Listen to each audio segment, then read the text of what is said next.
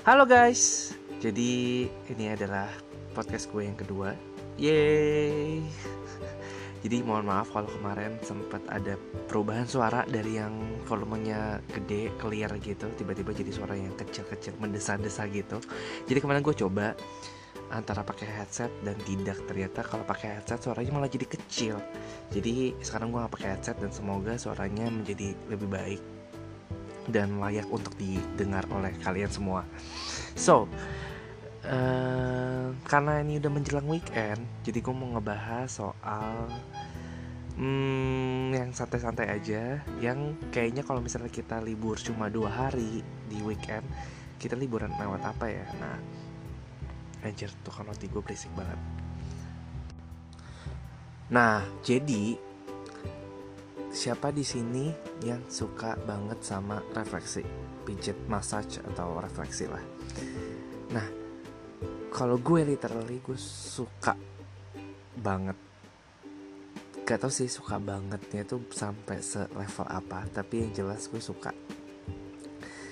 Uh, gue mau cerita dari mana ini banyak banget sih kisah seputar pijat yang gue alami selama umur gue berapa? 24 tahun gue mengalami ini so jadi gue itu uh, tertarik sama mijit kenapa? Karena itu salah satu hal yang apa ya menyenangkan aja bagi gue. Jadi saat gue lagi capek kayaknya enak banget tuh kalau buat mijit gitu. Kayak hari ini aja tuh tadi barusan banget gue mijit karena gue ngerasa aduh kayak gue penat banget nih kayak bosen sama kerjaan sama hidup sama lain sebagainya. Jadi gue memutuskan untuk mijit first of all gue uh, sebenarnya memilih tempat pijit sih. Based on price yang jelas. Jadi semua lihat dari harga ya. Nah tapi di luar dari harga itu gue juga melihat pasti lokasi kayak jauh gak dari rumah gue. Karena kalau misalnya kayak jauh dari rumah gue Otomatis kayak gue mesti take times terus mesti banyak effort gue ke sana kayak lebih capek di jalan gitu. Jadi kayak selesai mijit kalau tempatnya jauh kayak nyampe rumah capek lagi gitu. Jadi kayak gue lebih prefer yang deket rumah gue aja terus soal price ya pasti gue kayak nyari ya promo-promo lah ya atau yang kayak lagi happy hour. Cuma yang gue kesel kenapa? Happy hour itu cuma ada di weekdays dan di jam-jam yang jam-jam orang kerja gitu loh. Jadi kayak lo mau mijit murah ya lo harus bolos gitu. Lo harus sambil cuti lo harus izin bla bla bla bla. Jadi kayak jarang banget dapat momen yang dapat harga murah. Cuma oke okay. Kalau misalnya balik lagi pijitannya enak tempatnya nyaman dan lain-lain. Jadi ini gue cerita pengalaman gue yang jelek-jelek dulu ya. Ini kocak-kocak sih. Jadi yang nggak bakal pernah gue lupain adalah waktu itu gue pernah ke salah satu tempat pijit di dalam MOI Mall of Indonesia di daerah Kelapa Gading. Sebenarnya ini bukan pertama kali gue ke sana jadi gue udah pernah ke sana tapi gue nyobain refleksi. Kalau refleksi itu nah ini buat kalian yang nggak tahu ya perbedaan refleksi dengan massage jadi kalau misalnya refleksi itu biasanya setahu gue sih intinya adalah dia tuh kayak uh, cuma pakai celana pendek tetap pakai baju terus duduknya tetap di sofa gitu sofa yang bisa diangkat gitu kakinya. Jadi ya setengah tidur gitu lah tapi nggak full tidur dan lu tetap pasti berpakaian gitu dan biasanya campur sama orang lain di samping kiri kanannya. Tapi kalau massage ya emang lu bener-bener tiduran and then lu kayak waktu itu sih yang gue pernah coba adalah lu bener-bener kayak buka baju gitu literally dari atas sampai bawah cuma lu tetap pakai uh, kancot doang atau celana dalam. Nah jadi waktu itu yang di Moi ini gue tuh pernah cobanya ya refleksi selama ya sering lah dulu gue nyobain refleksi karena jauh harganya juga beda jauh ya jadi kayak gue selalu udah refleksi aja gak butuh-butuh banget massage. Nah jadi suatu ketika gue memutuskan untuk oke deh kayak gue mau massage aja hari ini gitu karena waktu itu kayak juga dibayarin nih seingat gue. Oke memutuskan untuk untuk massage. Nah di tempat pijit ini massage itu di batasi sama tirai-tirai gitu loh. Jadi sebenarnya lu masih bisa dengar suara orang di sebelah sih cuma kayak agak ter lebih privasi aja karena lu masuk ke dalam bilik-bilik itu dan dibatasi cuma sama tirai sih. Jadi kalau lu teriak atau lu diapa-apain lu masih bisa kabur atau orang sebelah lu denger lah nah jadi uh, eh, gue nggak tahu kenapa yang mijitin gue itu sendawa terus men. Jadi dari awal banget gue mijit sampai terakhir banget itu dia sendawa mulu man mungkin ada beberapa yang gue suatu gue cerita kayak ya emang ada beberapa tukang pijit yang dia malah yang sendawa bukan kita. Biasanya kan kalau kita kadang masuk angin kita yang sendawa karena kita yang dipencet kita yang diolesin sama oil atau body lotion gitu kan. Tapi ini enggak. Dia main yang sendawa dan lo tau kan sendawa bapak-bapak gitu yang agak ngebas tapi gede. Nah itu agak annoying banget bagi gue yang men gue tuh mau istirahat gue mau tiduran gue mau relaksasi. Tapi ringtone yang gue denger tuh repeatedly adalah itu si suara sendawa itu. Dan itu annoying banget bagi gue. Kayak gue pingin nah di situ kan posisinya adalah gue pertama kali massage di situ. Dan di situ gue masih remaja ya. Jadi kayak mau apa ya namanya mau marah juga kayak takut. Bukan takut sih cuma kayak bingung. Terus kayak mau komplain cuma males gitu. Jadi kayak gue berharap ini semoga benar-benar selesai gitu untuk pijitannya juga sebenarnya nggak enak-enak banget. Jadi kayak gue ngerasa itu benar-benar felt banget sih pijit gue kali itu. Dan ini sebenarnya kalau tadi kan agak lucu ya tapi bikin kesal nah ini benar-benar bikin gue kesal dengan abangnya sama dengan pijitan yang gak enak itu dengan suara sendawa dia yang gak enak itu karena gue adalah orang yang baik dan saat itu kayak ya udah deh gue kasih aja tips gitu kan. Sebenarnya nah ini balik lagi ya. Mindset orang Indonesia soal tips tips itu sebenarnya nggak wajib untuk kita kasih. Kayak itu literally kalau di Indonesia ya kultur Indonesia itu kayak ya suka-suka lo lo mau ngasih berapa mau nggak ngasih juga nggak apa-apa. Tapi kalau misalnya setahu gue dengan cerita dari teman gue yang dari luar negeri ada di beberapa negara yang kayak emang tips itu harus lokasi bahkan udah ada di billnya gitu ditetapin lo mau ngasihnya berapa gitu. Tapi kan kalau untuk orang Indonesia tips itu adalah sesuatu yang suka rela. Dan bahkan ada beberapa perusahaan atau bidang jasa yang kayak lu nggak boleh ngasih tips itu kalau lu ngasih tips malah si karyawan ini kena apa kena teguran gitu kan. Nah balik lagi ke tips. Jadi waktu itu gue ngasih dia tips. Ya seingat gue tuh kecil sih. Event itu 5000 atau 10000 gitu. Tapi baru kali ini loh sepanjang umur hidup gue kayak gue ngasih dengan ikhlas tapi dia malah nolak men. Oke gue pikir kan nolak karena uh, no tipping gitu kan. Tapi enggak men. Setelah dia bilang oh nggak usah. Dia tuh bilang apa? Pokoknya intinya adalah kayak iyalah cuma segini saya juga mampu. Boom kayak anjir nih orang ya gue tuh udah berbaik banget ngasih lo tips tapi lo malah cari ribut men. Di situ gue tanpa basa-basi lagi gue langsung keluar main tanpa ngomong makasih apa pun. Kayak gue kesel banget gue gondok banget. Jadi alhasil gue nyampe depan. Nyampe kan uh, bayarnya itu setelah mijet nyampe ke apa tuh resepsionis saya di depan itu. Gue komplain sama tuh abang kayak men itu harus lu bener-bener didik banget tuh mas-mas karena Ih gue nggak tahu sih kenapa dia bisa sampai milih orang seperti itu. Maksudnya gue ini uh, tempat pijit itu dalam mall dan udah punya nama dan punya beberapa cabang. Jadi ekspektasi gue terhadap dia tuh kayak langsung drop gitu. Abis itu gue nggak pernah bak uh, sampai sekarang ya gue nggak pernah massage di situ lagi karena gue pengalaman yang bener-bener buruk banget di situ. Jadi kayak gue nggak pernah nyoba di situ lagi. Oke itu cerita yang pertama. Apalagi ya? Oh ini baru aja hari ini gue apa namanya gue alami. Jadi hari ini gue mijit di daerah Kelapa Gading juga. Di uh, dekat rumah gue lain jelas. Nah ini juga gue udah pernah sering ke sini karena menurut gue ini agak murah. Apalagi kalau lagi happy hour itu cuma 55 ribu. Tapi kalau misalnya tadi harga normal gue itu di angka 80 ribu. Terus gue ngambil satu setengah jam kan. Nah kayak tadi tuh gue ngerasa ya gue tahu sih emang ada harga ada jasa gitu ada barang cuma tadi kayak gue padahal tuh sepi kondisinya nggak tahu rame. Dan masih ada mas-mas yang berkeliaran gitu. Dan mereka malah bercanda-bercandaan terus kayak gue mesti nunggu sekitar 10 sampai 15 menit tadi sebelum masuk ke ruangannya. Itu gue agak kesel sih kayak ya gue mau buru-buru. Bahkan tadi sebenarnya tuh gue pingin reservasi pingin nanya kan harganya berapa sama ada yang kosong nggak. Tapi gak diangkat jadi kayak ya udahlah gue gambling aja langsung ke sana. Nyampe sana gue masih masih nunggu 10 sampai 15 menit kayak ah kesel gitu kan. Udah agak kesel tuh di situ gue. Terus udahlah dapat satu bapak yang menurut gue agak uh, kurang ramah dari awal pun kayak uh, nyuruh gue masuk aja kayak cuma ngomong satu kata gitu. Yuk gitu kayak gitu doang men.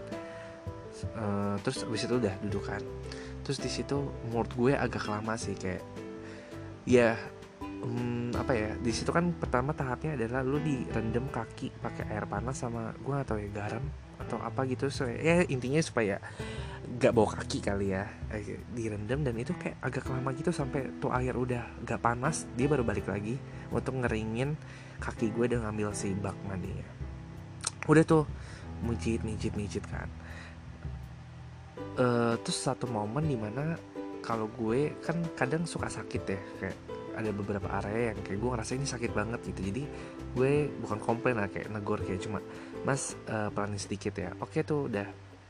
Udah kan udah agak mulai berkurang dan enak gitu. Terus uh, momen udah enak-enak terus tiba-tiba kan uh, dia udah selesai, selesai tuh pijitin kaki gue yang kedua kaki gue itu dan biasanya kan pakai lotion itu lengket kan. Jadi otomatis dia mesti uh, basuh kaki gue pakai kayak handuk yang udah basah dan dikasih air panas jadi anget-anget gitu. Dan lo tahu dia tuh kayak dan gue tuh kan sengaja kayak lagi lemes-lemes gitu kayak lagi di setengah-setengah sempoyongan mau tidur gitu ya. Dia kasar banget main angkat kaki gue tuh udah kayak mau motong ayam mau sembeli ayam atau sembeli sapi. Dia langsung ngangkat kaki gue itu langsung digosok-gosok dan men itu kan anduknya kasar ya bukan anduk-anduk yang lembut selembut sutra gitu loh. Jadi ini dia kayak langsung betot kaki gue terus langsung digosok-gosok. Aduh gue udah kesel banget di situ kayak udah sabar sabar sabar. Sama terus waktu mau dia pindah ke tangan gue kan abis itu dapat momen uh, tangan juga kan dipijit itu. Dia juga kasar banget ngangkat tangan gue. Terus terakhir adalah di daerah uh, leher punggung leher itulah. Men gila kayak gue mau negor cuma gue males karena tadi gue udah sempet negor dia sekali kan kayak gue ya gak mau terlalu cerewet lah ya dikiranya sebagai customer. Cuman dia tuh bener-bener kayak waktu mijit belakang leher gue tuh kayak orang mau nyekek gue men. Itu sakit banget kayak shit shit kayak gue berharap ini cepetan berakhir oke jadi di situ gue ngerasa gila sih. Dan karena ini adalah bukan momen gue pertama kali jadi gue tuh tahu kan biasanya tuh kita dapat apa. Kita tuh bisa ditawarin di awal dapat selimut sama bantal. Dan dia tuh sama sekali nggak nawarin gue maksudnya gue ya lu nawarin gitu. Kalaupun gue nggak mau kan juga nggak masalah kan. At least lo nawarin karena sepanjang gue pernah ke sana itu selalu ditawarin dan selalu bisa gue sih ambil gitu kan. Karena mijitnya kan cukup lama jadi ya enak lah pakai bantal sama selimut. Oke di situ kayak gue ngerasa ya gue nggak butuh butuh bantal sama selimut banget ya. Atau gue ngerasa juga stoknya mungkin lagi habis jadi gue nggak ditawarin oke lah. Terus biasanya terakhir lo mijit lo tuh bakal ditawarin antara ginger tea atau aqua kayak apa aqua gelas air mineral gitu. Dan, dan bisa gue milih milih tuh ginger tea karena anget-anget gitu kan. Dan dia nggak nawarin gue sama sekali men. Di situ kayak gue ngerasa ah ini nggak worth it nih untuk gue ngasih tips. Padahal kayak ya gue bakal ngasih gitu kalau servisnya dia bagus. Oke tuh akhirnya gue uh, setelah gue tuker celana karena kan gue pakai celana panjang jadi gue mesti pakai celana pendek waktu mijit akhirnya gue ganti pakaian lagi lah keluar waktunya gue bayar kan. Dia sengaja tuh si abang-abang ini berdiri di samping kasir. Di situ adalah yang gue ah gue udah tahu nih. Ini ciri-ciri orang yang mau dapet tips. Alhasil gue sana saking keselnya gue gak mau lihat muka dia. Kayak gue males gitu. Karena karena gue tahu gue gak bakal ngasih tips ke dia. Dan gue uh, apa gue tuh membayar lewat debit. Kenapa? Karena gue males gitu kalau ngasih cash. Kayak ntar ada kembalian otomatis kan kayak kembaliannya ke dia gitu. Kayak aduh gue males jadi gue pakai debit aja. Kalau debit kan udah jelas dipotongnya segitu dan gak ngeluarin duit apa pun. Akhirnya gue memutuskan gue pakai debit lah. Terus dan itu samping apa ya kalau kalian tahu di samping mesin kasir apa kasirnya itu langsung lift. Jadi setelah gue bayar itu gue langsung mencet lift turun ke bawah dan tanpa nengok ke abang-abang itu. Dan lo tahu responnya dia apa? Sumpah sih kalau sempet dia manggil gue atau nyolek gue gue bakal marah banget sih. Tapi ini tuh menurut gue agak menyindir gue secara halus. Dia tuh gertak-gertakin kaki terus kayak gertak-gertakin tembok terus sambil kayak apa ya mengeluarkan suara gitu loh gumaman dan halahan nafas yang kayak kesel gitu sama gue karena gue ngasih tips ke dia. Oh my fucking god kayak gue ngerasa bahwa men lo attitude aja udah jelek banget kayak gue ngerasa oke okay, di sini ya momen di sini adalah gue nggak bakal balik ke tempat itu lagi. Kenapa? Karena ini balik lagi ya uh, kalau kita orang berpendidikan dan kita bekerja sama orang lain apalagi di perusahaan jasa. Karena gue sendiri kan sekarang dari perusahaan jasa. Baiknya banget tuh kalau misalnya lo bisa menjaga customer lo gitu lo bisa memuaskan customer lo. Memuaskan tuh dalam tanda kutip ya. Bukan memuaskan plus plus tapi memuaskan maksudnya membuat customer lo happy nggak kesel sama service lo itu penting banget loh dan tips itu ya balik lagi ya tadi kayak kayak gue bilang itu suka rela jadi kayak lo mestinya no hard feeling karena lo juga digaji gitu kecuali ya lo dibayar sesuai dengan treatment. Tapi kan enggak lo dibayar emang udah ada gaji lo per bulan. Dan soal tips itu adalah bonus dari customer lo kalau emang lo menservis dia dengan bagus. Tapi kalau lo aja sendiri kerjanya setengah-setengah ya lo do expect too much lah sama tips itu gitu. Di situ kayak gue ngerasa oke okay, gue nggak bakal balik lagi. Jadi uh, gimana ya? Jadi buat tempat-tempat pijit di luar sana nih kalau kalian mau sukses dan continuous gitu kayak penting banget tuh menjaga kualitas service lo. Pijitan itu menurut gue agak nomor dua ya agak nomor dua agak coba misalnya paling penting itu adalah service lo sih maksudnya pelayanan lo gitu. Walaupun lo misalnya pijitannya nggak terlalu enak tapi kalau misalnya lo mendeserve itu dengan baik jadi kayak gue ngerasa juga oh dia niat nih dia baik dia tulus gitu loh mijitin gue jadi kayak gue juga pasti bakal ngasihin dia. Itu adalah kisah-kisah buruk gue sih sepanjang gue mijit sejauh ini yang paling buruk adalah itu. Sekarang kita mau cerita-cerita fun facts fun facts ya dan ada satu tempat pijat yang gue suka tapi dia ternyata udah tutup main di Kelapa Gading jadi fun fact soal mijit adalah pertama ini diri gue sih gue nggak tahu kenapa uh, bagian yang paling bikin gue geli itu adalah paha sama punggung bagian tengah ke bawah. Itu gue nggak tahu kenapa pas kayak udah lutut ke atas tuh udah mau ke daerah paha paha. Itu tuh bener-bener geli banget. Sampai gue pernah waktu itu uh, massage yang tiduran. Itu sampai gue gerak-gerakin kaki gue dan uh, si abang-abangnya tuh ngerasa kayak oh, geli ya gitu. Kayak oke okay, fine. Jadi kayak ya udah mas uh, apa jangan di tempat itu ya gitu. Jadi kayak itu benar-benar geli sih gue gak tahu ya. Mungkin kalian juga punya pasti punya area-area yang kalau disentuh sama orang lain tuh geli kan. Jadi itu salah satu hmm, poin penting sih kayak gue berusaha banget supaya kalau daerah paha itu jangan soalnya itu bikin gue geli banget. Tapi kalau punggung karena biasanya punggung adalah apa ya area yang wajar untuk dipijit dan biasanya dipijit jadi kayak gue berasa kadang nahan aja gitu. Biasanya dulu gue bahkan pernah waktu itu mas uh, refleksi itu gue sampai gigit bukan gigit ya kayak nahan ketawa sambil nutupin pakai bantal jadi supaya ketawa gue kedengeran sama orang lain dan abang-abangnya jadi kayak itu kan tempatnya gelap ya biasanya kalau refleksi jadi dia tuh gak tahu kan kalau ibaratnya gue ketawa. Jadi kayak gue uh, kengkem bantal gitu. Terus gue tutup bibir gue untuk tahan ketawa karena saking gelinya men. Itu ngakak sih. Dan ini adalah uh, salah satu tempat yang the best in town sih sejauh gue uh, pernah coba ya karena gue juga jarang nyoba-coba sih. Tapi ini udah tutup di daerah Kelapa Gading. Jadi tempat itu ada di ruko-ruko samping mitra keluarga ya mitra keluarga Kelapa Gading. Jadi sebenarnya itu ruko-ruko yang menurut gue agak serem sih tempatnya. Jadi di situ juga sebenarnya banyak tempat uh, katanya konon katanya itu banyak tempat-tempat yang plus-plus gitu. Cuma ya gue nggak tahu lah ya. Waktu itu gue diajakin sama teman gue untuk nyobain tempat pijit di situ. Dan ini adalah cabangnya di Bali. Jadi namanya itu kalau kalian tahu dan kalian pernah ke Bali karena gue nggak pernah ke Bali jadi ini gue search eh, cari apa kasih aja ke kalian. Namanya itu cozy.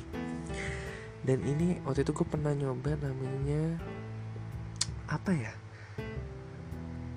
Uh, Sleeping in the Moon ah Fly Me to the Moon.